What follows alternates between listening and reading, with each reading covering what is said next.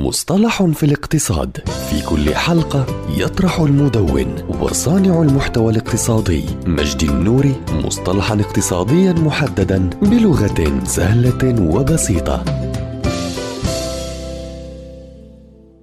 الاقتصاد الليلي. هو مصطلح يستخدم لوصف مجموعة واسعة من الأنشطة من الرحلة إلى المسرح أو وجبة عائلية إلى الاستمتاع بالموسيقى أو قضاء أنشطة ترفيهية مختلفة. وتعد الاقتصاديات الليلية جزءا مهما من اقتصاديات دول متقدمة. ويقدر أنها تجلب أكثر من 60 مليار جنيه استرليني لاقتصاد المملكة المتحدة كل عام. وعلى الرغم من أن هذا النوع من الاقتصاديات يتعلق بالاستمتاع بالأوقات بأمان إلا أن العنف والجريمة أحد أبرز مساوئه أيضا. وبذلك فإن هذا النوع من الاقتصاديات يمثل مساحة زمنية متنازعا عليها ومثيرة للجدل حيث تعمل فيها العديد من الاقتصاديات الرسمية وغير الرسمية بعد الساعة السادسة.